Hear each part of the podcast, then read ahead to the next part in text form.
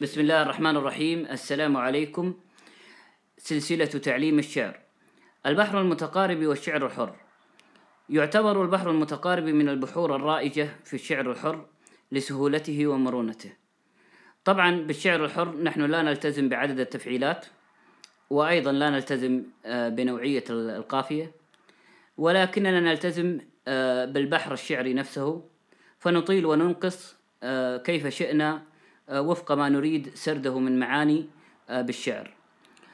البحر المتقارب كما علمنا هو فعول فعول فعول فعول. أربع تفعيلات في الشطر. بينما آه، هو بالشعر الحر سوف يكون كيف كيف ما يريد الشاعر. مثلا السطر الشعري الأول فعول فعول. والسطر الشعري الثاني فعول.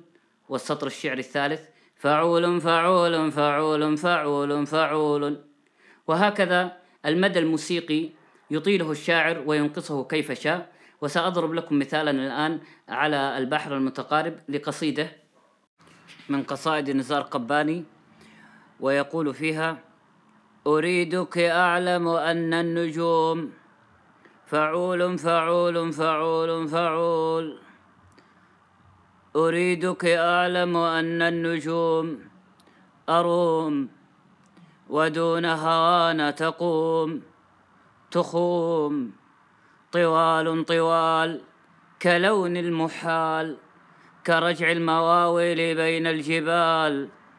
فلو لاحظنا الآن لوجدنا أنه بدأ آه، تقريبا بأربع تفعيلات في السطر الثاني تفعيلة واحدة في السطر الثالث استخدم آه، ثلاثة أو أربع تفعيلات. السطر الرابع أو الخامس استخدم تفعيلة واحدة.